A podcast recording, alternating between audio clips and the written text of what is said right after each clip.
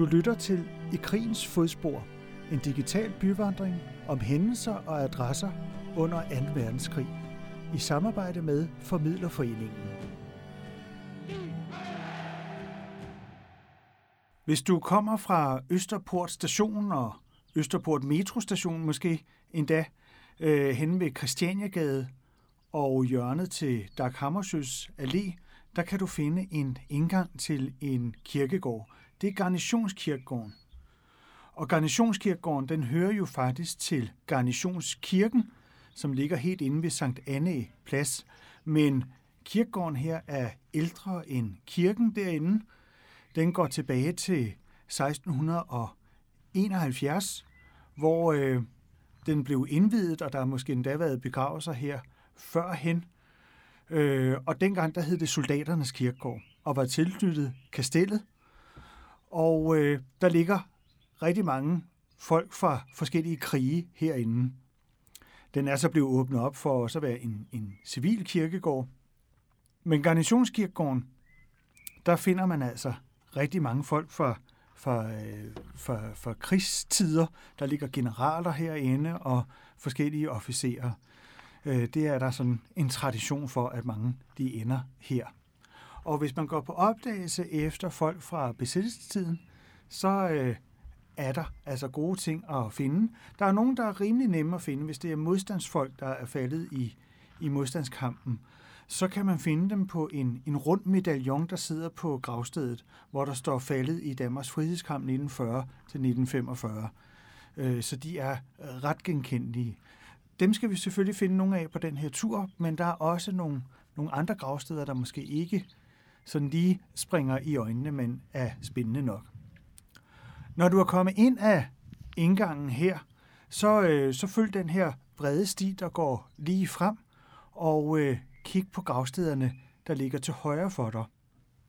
På et tidspunkt så vil du nogle meter fremme finde en, øh, en, en gravsten, hvor der står navnet Alexander Filfreund. Og Alexander Filfreund, han er jøde, og man kan se, at han er fra Krakow i Polen. Og øh, nederst på gravstenen, der står der til minde om en hel masse navne offer for holocaust. Det er hans familie, som ikke var så heldige at overleve øh, den behandling, jøderne fik i Polen. Men det gør Alexander.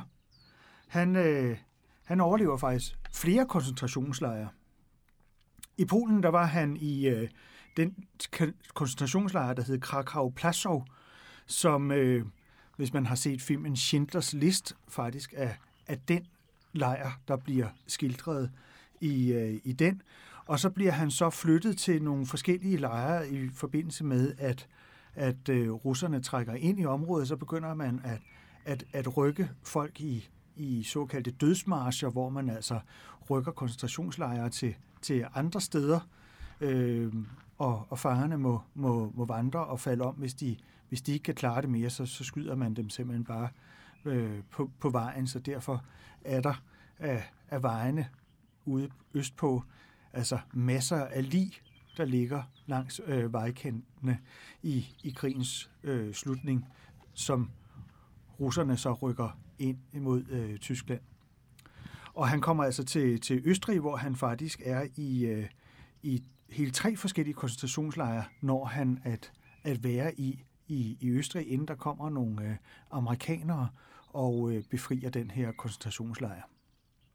Og han er altså af forskellige så endt her i Danmark og ligger altså begravet her og er en af dem, der har overlevet ganske forfærdelige redsler, men altså, som Stenen her siger, så er det ikke alle i hans familie, der er så heldige, og de bliver så altså nævnt på hans gravsten her. Det, der så er rigtig interessant, det er at kigge på gravstenen ved siden af. Og det er navnet på en, en, en mand, der hedder Karl Pop Madsen. Og øh, hvis man ved noget om øh, danske nazister, så vil man finde ud af, at øh, han var højt placeret blandt de danske nazister. Han øh, var jurist, det kan man faktisk godt se på, på gravstenen. Og øh, han var sammen med Schalborg Korpsets chef, KB Martensen, øh, en, en, en betydningsfuld mand, der havde indøvelse på at give gode råd omkring forskellige ting i forhold til Schalburg-korpset og øh, hvordan nazisternes stilling var i Danmark. Og øh, i forhold til, at de danske nazister godt kunne have tænkt sig at have kuppet magten øh, i, i Danmark og indført en, en nazistisk regering, sådan som man gjorde det i Norge, jamen så, øh, så stod han faktisk på ministerlisten. Han skulle have været justitsminister. Så han var ikke sådan have hvem som helst inden for, for de danske øh, nazister. Og han blev sådan en særlig rådgiver for K.B. Martensen og, øh, og forskellige folk inden for det her miljø. I øh, den 29. august 1943, da samarbejdet bryder sammen, der, øh, der prøver han faktisk også at være en, en spydspids for, at man skulle øh, lave en, en ny dansk regering, som altså var nazistisk ledet. Det blev så ikke til, til noget, fordi at øh, tyskerne tænkte heller ikke, at de danske nazister havde den helt store bund i befolkningen, så de mente, at det ville skabe flere problemer end, øh, end, øh, end, øh, end noget, der var godt. Så øh, han fik ikke rigtig ført det igennem, men han var sådan nazist til det sidste, måtte man sige. Og øh, da han har skrevet takkebrev den 31. marts 45 til øh, en øh, Urmstam Obersturmbandfyr i Hippokorset og, og takker for den gode indsats. Øh, han blev arresteret øh, og fik også en fængselsdom på 12 års fængsel. Øh, men han blev dog alligevel allerede løsladt i, i julen 1949 og øh, ændrede ikke mening omkring sine nazistiske holdninger. Og han er altså så kommet til at ligge her ved siden af, af, af jøden, af manden, som i den grad har kunnet mærke på sin egen krop, hvad den her nazistiske politik, den kunne komme til at, at betyde.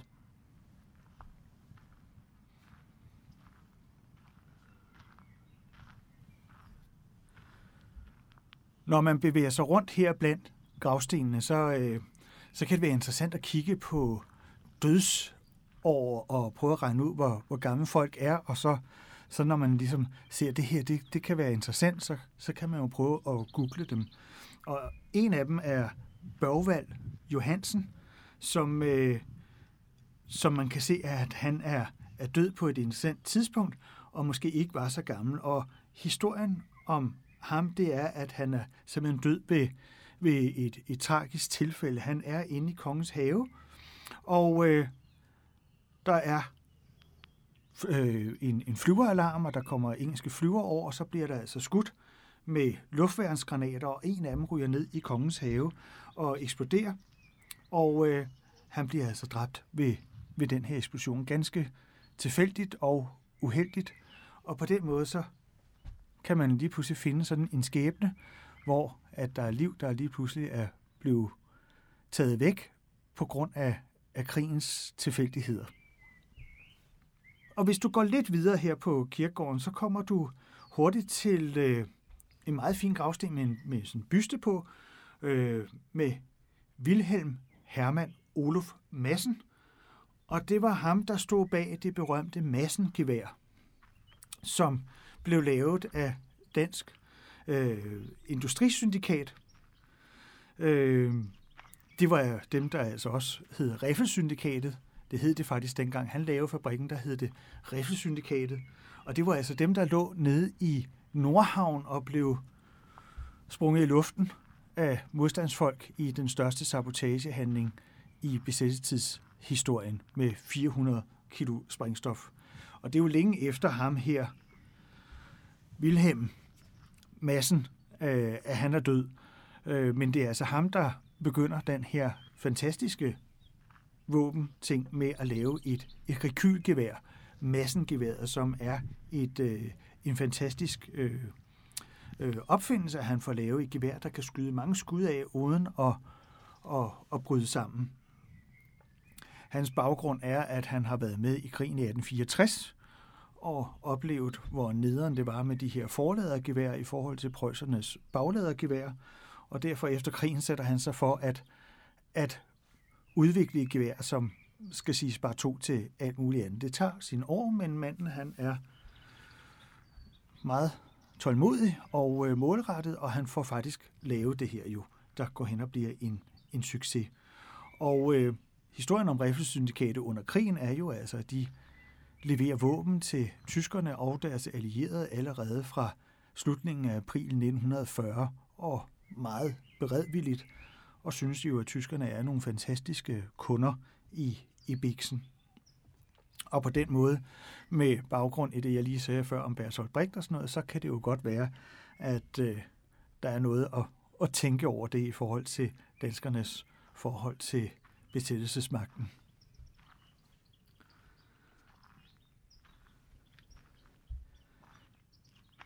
Ikke så langt fra, fra Massens øh, byste, der møder vi en kaptajnløjtnant, øh, Jørgensen, Fritz Camillo Hermann Jørgensen, langt flot navn, og der kan man se på hans gravsten, at der er det her runde mærke, der viser, at det her er en modstandskamp, der er faldet i, øh, i, i kampen mod besættelsesmagten.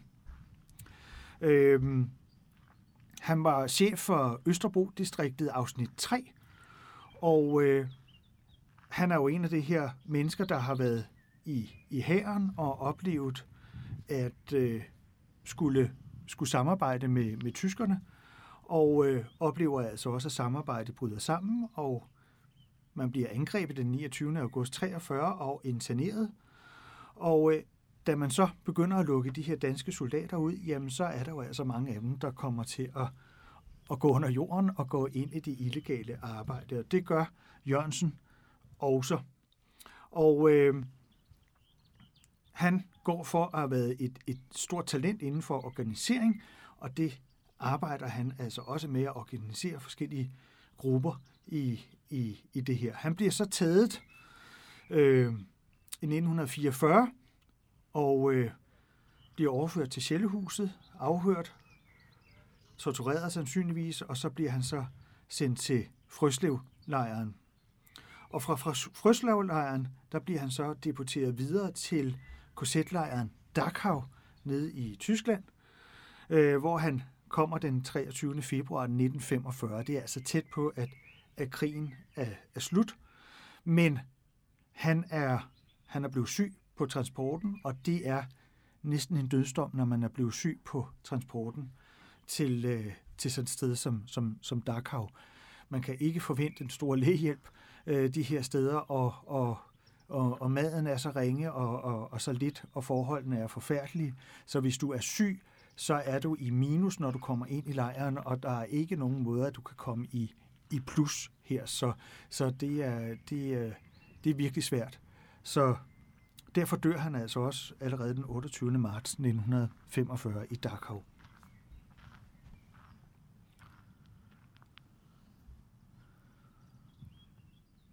Lige rundt om hjørnet her, der er der et, øh, et familiegravsted, øh, hvor der nogle gange kan ligge en krans fra den britiske ambassade med de her røde valmuer, som jo er den måde, englænderne hedder deres faldende i, i krigene på.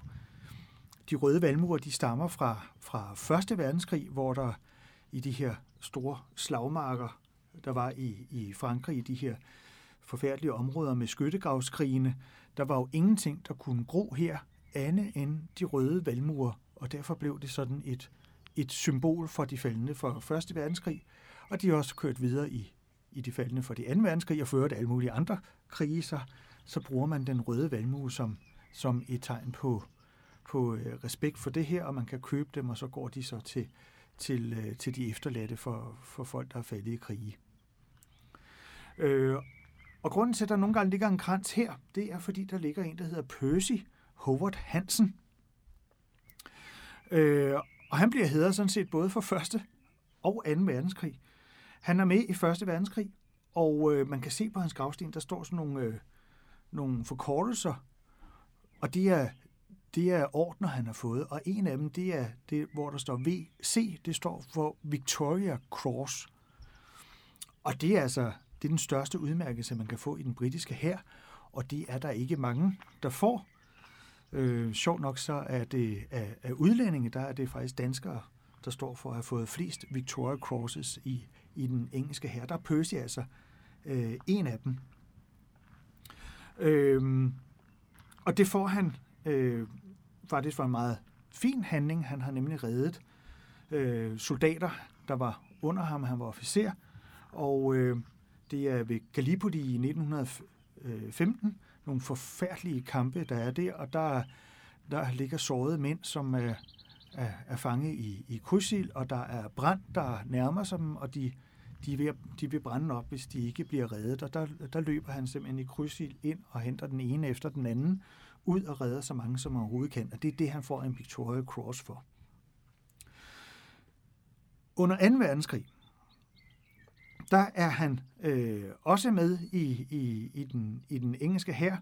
Øh, der er han så noget ældre, og der er han, øh, der er han øh, så på operationer i, i Norge faktisk, og han, er ved, han var med til at være med i det, der hed Chef, S-H-A-E-F, som øh, bliver sådan en, en øh, organisation, der, der skal stå for organisering af de forskellige allierede de arbejder sammen, de er, spiller en hovedrolle i, i, øh, i landgangen ved, ved D-dag i at få organiseret det her, og de står også for at koordinere modstandsarbejde blandt andet i, i Danmark og i Norge også. Øh, at man får koordineret tingene, og man får angrebet de rigtige mål og, og alt det. Chef står for Supreme Headquarters Allied Expeditionary Forces langt og kompliceret øh, navn, men øh, det er sådan et hovedkvarter for de allierede øh, styrker, kan man sige. Og øh, så det, han, han er en betydningsfuld person, og derfor kommer de altså også over fra den britiske ambassade og lægger grænse hvert år for, for Percy.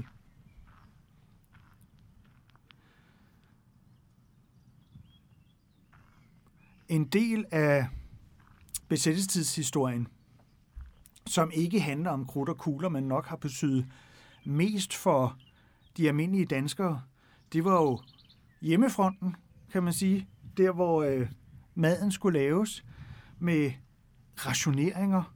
Man kunne jo ikke få rigtig kaffe, for eksempel. Man skulle have rationeringskaffe lavet af forskellige ting og sager, der ikke der nok lignede, men måske ikke smagte helt som kaffe. Og øh, alt muligt andet også var under rationering hvad skulle man gøre i disse tider? Og der er der altså en, en helt inde begravet her på Garnitionskirkegården, en helt inde for mange en husmøder. En helt inde for mange en husmoder. Kirsten Hyttemeier, som nok er kendt for af de fleste som hende med skåneærmerne i, i fjernsynet. Og øh, under krigen, der kommer hun til at spille en, en enorm rolle øh, for, for, for de danske husmøder. Hun arbejdede for Tørslevs husmoderservice. Øh, der var hun med til at udvikle en, en telefonservice, som virksomheden havde, hvor man kunne ringe ind om at få gode råd til, til madlavningen. Øh, og hun har også været med til at lave Tørslevs kogebøger. Jeg kan nævne den grønne syltebog, øh, som blev en, en, en kæmpe stor salgssucces, øh, eller den blå bage, bagebog, den blå bagebog, øh, og den røde kogebog, som øh, jeg også selv fik af, af min mor, da jeg skulle flytte hjemmefra.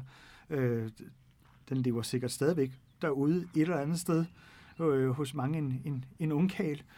Øh, og hun holder faktisk op med at arbejde for Tørslæs og, og arbejde på freelance basis øh, med at lave øh, kogebøger, som, øh, som var tilpasset de her rationeringstider. Så der var sylt uden sukker, julemad, juleknas, julebaning, hvor man for eksempel kunne lære at lave marcipan ud af kartoffelmel, øh, fordi marcipan var jo altså også rationeret. Det kunne man ikke lige få fat i. Altså, og det har jo været en, en kæmpe succes og en kæmpe hjælp. Øh, hun stod også bag idéer omkring øh, madpakker osv., der kunne holde sig længe. Øh, og det er faktisk også hende, der har øh, står bag hele ideen omkring tv-køkkenet. I 1952 der introducerer hun tv-køkkenet i, i, i dansk øh, tv, og øh, hun debuterede i 1995 som tv-kop med sit helt eget program Hyttemajers madmagasin på øh, TV2. Øh, så hun er en betydningsfuld øh, person i, i madlavningens historie, og altså betyder rigtig meget for, for den del af krigen, som de fleste danskere jo mærkede til. Det var ikke alle, der lagde mærke til modstandskamp, eller egentlig så så mange tyskere og sådan noget, hvis man boede langt ude på landet og sådan noget, så, så lagde man faktisk nok ikke mærke til, at der skete sådan sindssygt meget øh, rundt omkring. Men det der med rationering og sådan noget, det er jo noget, vi danskere ikke bryder os om, og det kan altså gøre rigtig, rigtig hårdt, at man ikke kan få sin kaffe eller den mad, man er vant til. Og der hjælp Kirsten Hyttemeier altså.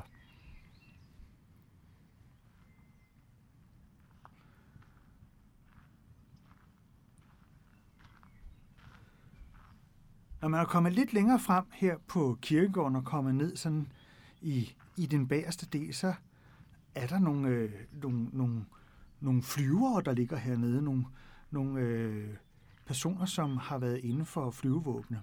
Og en af dem er sådan lidt spøjs, fordi der står øh, flyverløjtnant Jørgen Lauritsen, som dør i 1944 i det svenske flyvevåben. Og sige, hvad, hvad, har nu det? hvad er nu det for noget? Hvorfor er der en dansk over i det svenske flyvevåben?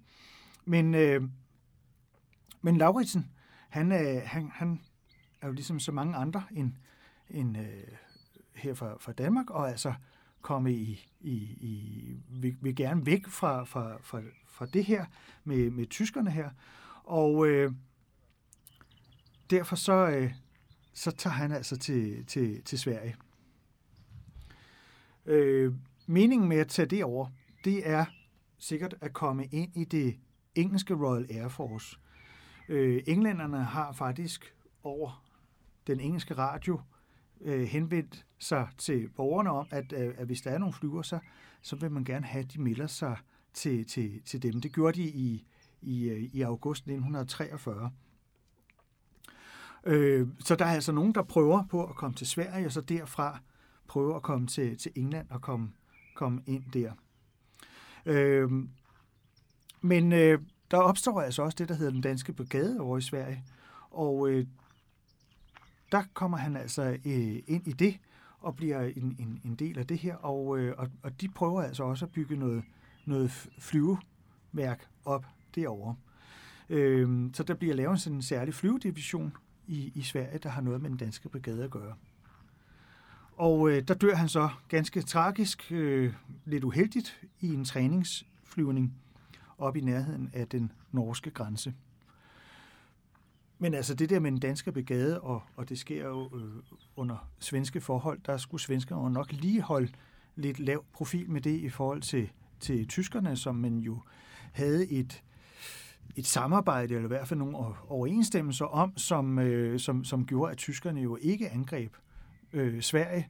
Der må man jo have et, i et samarbejde, ikke på samme måde som danskerne havde samarbejde med tyskerne, men, men man havde dog nogle, øh, nogle diplomatiske forbindelser, der gjorde, at, at Sverige altså kunne holde sig neutralt i det her, at tyskerne ikke havde lyst til at øh, besætte øh, Sverige, men svenskerne skulle jo også give noget igen.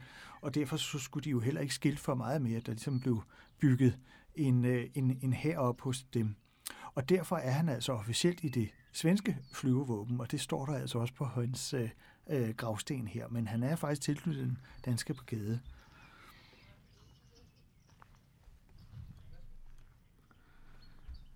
Lige ved siden af Jørgen Lauritsen, som altså står som at være i det svenske flyvevåben, så ligger der også en søløjtnant, Karl Knud Kalmberg, øh, hvor der står, at han var Finlands frivillig. Øh, og det var fra, fra den finske krig, fordi Finland blev angrebet af, af Sovjetunionen i, øh, i 1939.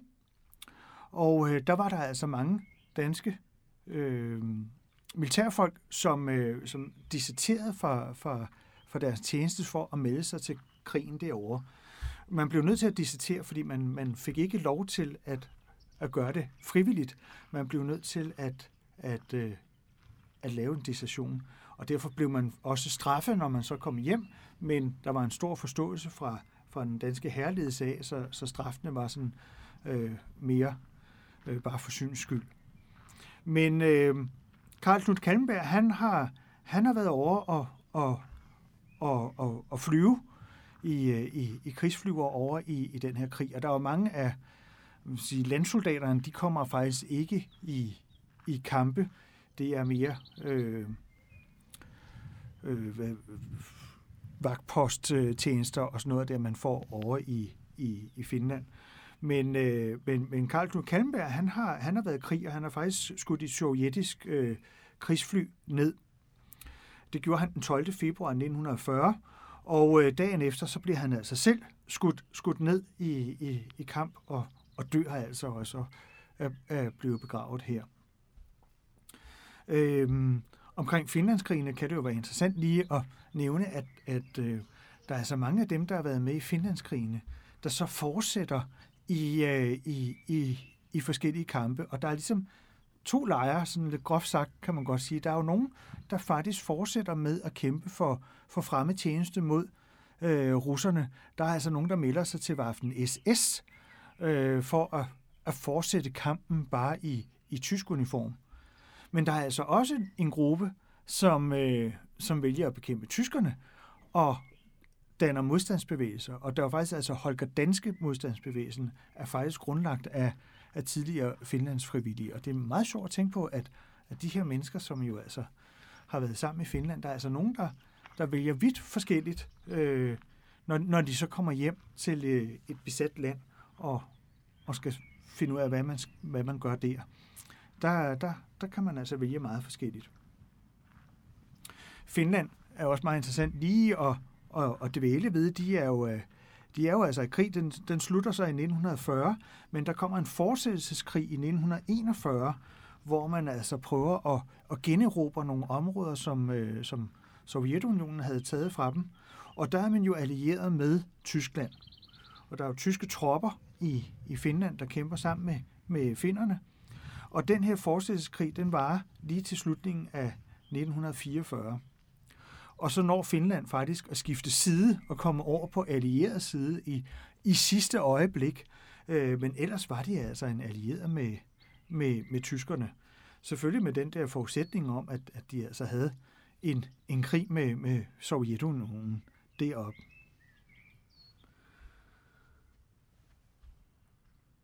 Hvis man fortsætter hen til den næste række øh, i, i gravene her, så kan man finde en øh, premierløjtnant Frode Den Jensen. Han har også modstandsmærket på sin øh, grav, og øh, man kan sige, at hans historie er ligesom de fleste andre militærfolks, at, øh, at de jo må samarbejde med tyskerne og gøre plads til dem, men da samarbejdet bryder sammen den 29. august 1943, jamen så er grænserne endelig sat op, og da de efter en internering bliver sat fri, jamen så går de altså mange af dem ind i det her modstandsarbejde. Og han laver efterretningstjeneste, for den militære efterretningstjeneste, laver han observationer og sender videre til de allierede. Og øh, det er farligt arbejde, man bliver nødt til at have forskellige adresser, man hele tiden flytter rundt på, men altså han bliver så taget af Gestapo ude på Gamle Kongevej øh, i, i det her arbejde og øh, prøver at flygte, men bliver skudt. Øh, og han bliver fundet ude i, i Ryvangen, altså der, hvor Mindelunden ligger, der finder man ham gravet øh, ned der. Og der har familien altså valgt ikke at genbegrave ham ude i Mindelunden, men altså at at han skal begraves her på Garnitionskirkegården. Lige ved siden af, der ligger der en, øh, en interessant en, fordi der ligger der en, en falden fra den 9. april 1940. Det er løjtnant Wilhelm Godfredsen, som øh, også var flyver og øh, øh, fløj et af de to fly, der fik lov til at, at lette fra værløse, inden øh, de tyske maskiner kom og bombede Værløse flyvestation. Den første maskine var lettet i, i god tid og, og skulle ud og prøve at observere noget af, af, af den her øh, trafik, der foregik nede ved, ved grænsen, og hvad, hvad, hvad, hvad foregik der. Og øh, var der tegn på et eller andet, fordi man vidste godt, der, der skete et eller andet.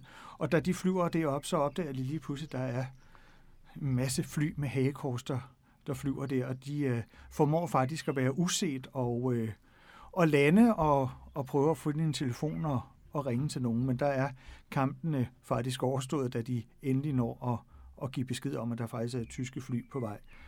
Øh, det næste fly, og det er altså her, at Goffredsen, han, øh, han flyver det her fly.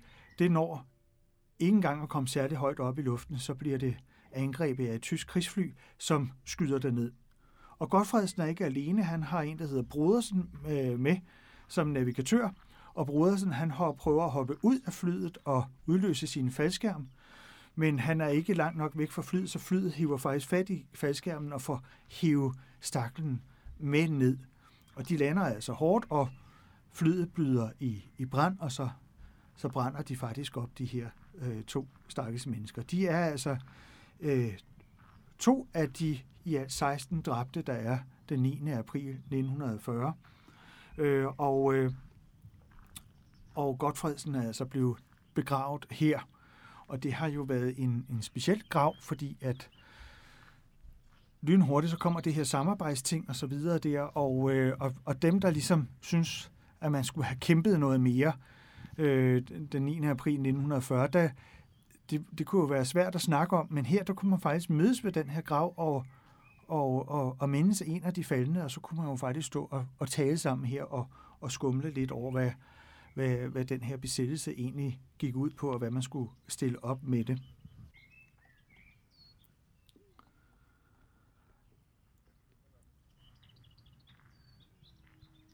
Oppe ved en af, af hovedstierne hen på garnitionskirkegården, der ligger Viggo Preving.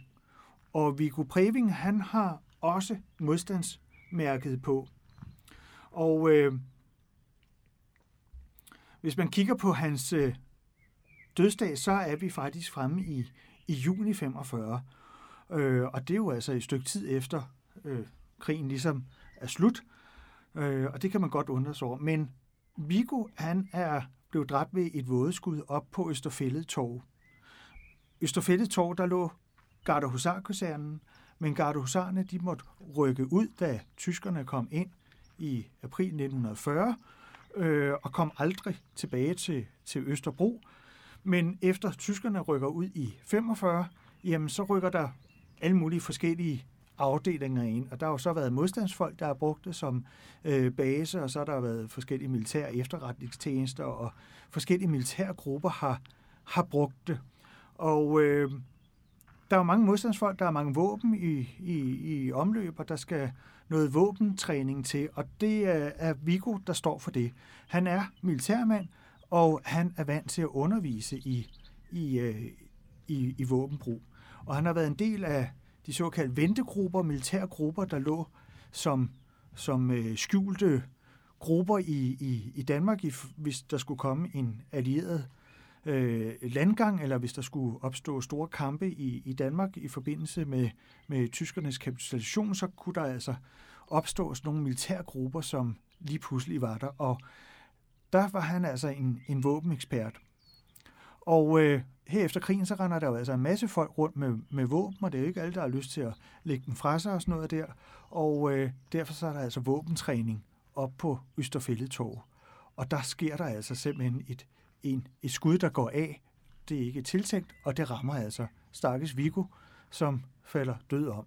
Og man kan jo se, at han er faktisk lige blevet far, og der er et lille barn, og det lille barn er kommet til at hedde Vigo efter sin far. Så der ligger sådan en familietragedie der, og den bliver faktisk større, hvis man læser lidt mere om Vigo, fordi så viser det sig, at han har haft en bror, som af uretsagelige årsager også er blevet ramt af en vådeskudsudlykke øh, på øh, en kaserne i, øh, øh, før krigen. Øh, og, og hvad er oddsene for, at, at der er to brødre, der dør ved, ved vådeskudsudlykker? Det er, jo, det er jo helt vildt. Så det er jo noget af en familietragedie, der gemmer sig her. Og det er også lidt interessant, at Viggo han stammer faktisk fra Bornholm, og på Bornholm, der har de øh, et mindested i, i Almeningen, hvor man har listet alle dem, der er fra Bornholm, der var med i modstandsbevægelsen. De har bare glemt en. De har glemt Vigo. Han er altså ikke kommet mere. Det er jo sikkert fordi, at han er død sådan lige efter øh, besættelsen hørt op, og så ligesom så har han ikke talt med i systemet. Men øh, her der har han altså fået det her mærke, som faldet i, i frihedskampen, om end vi altså er, er gået nogle måneder over tiden.